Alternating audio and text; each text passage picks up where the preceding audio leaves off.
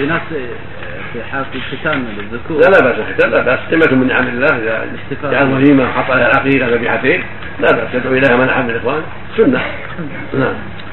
هذا إذا كان في العقيقه اليوم السابع أو تأخرت وجعلها في أيام بعد ذلك سنة عن الرجل ذبيحتان عن الذكر وعن الأنثى واحدة.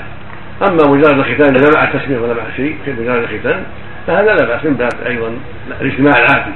ما في حالة ختان يوزعون الحلوى ويوزعون مش عارف إيش نعم يوزعون الحلوى لما يصير ختان في الدول المجاورة ما أعلم في هذا الشيء أو ما أعلم في شيء اما كون يجعل طعام للختان لمن يختنه أو لمن أو لأهل البيت فرحا بختانه فيما بينهم ما أعلم في شيء.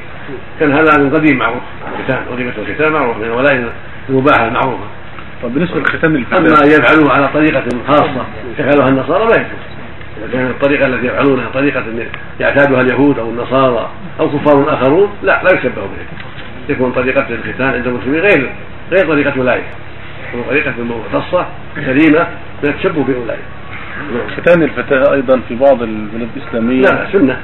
سنة. سنة نعم. إذا تيسر يعرف ذلك؟ طيب. نعم.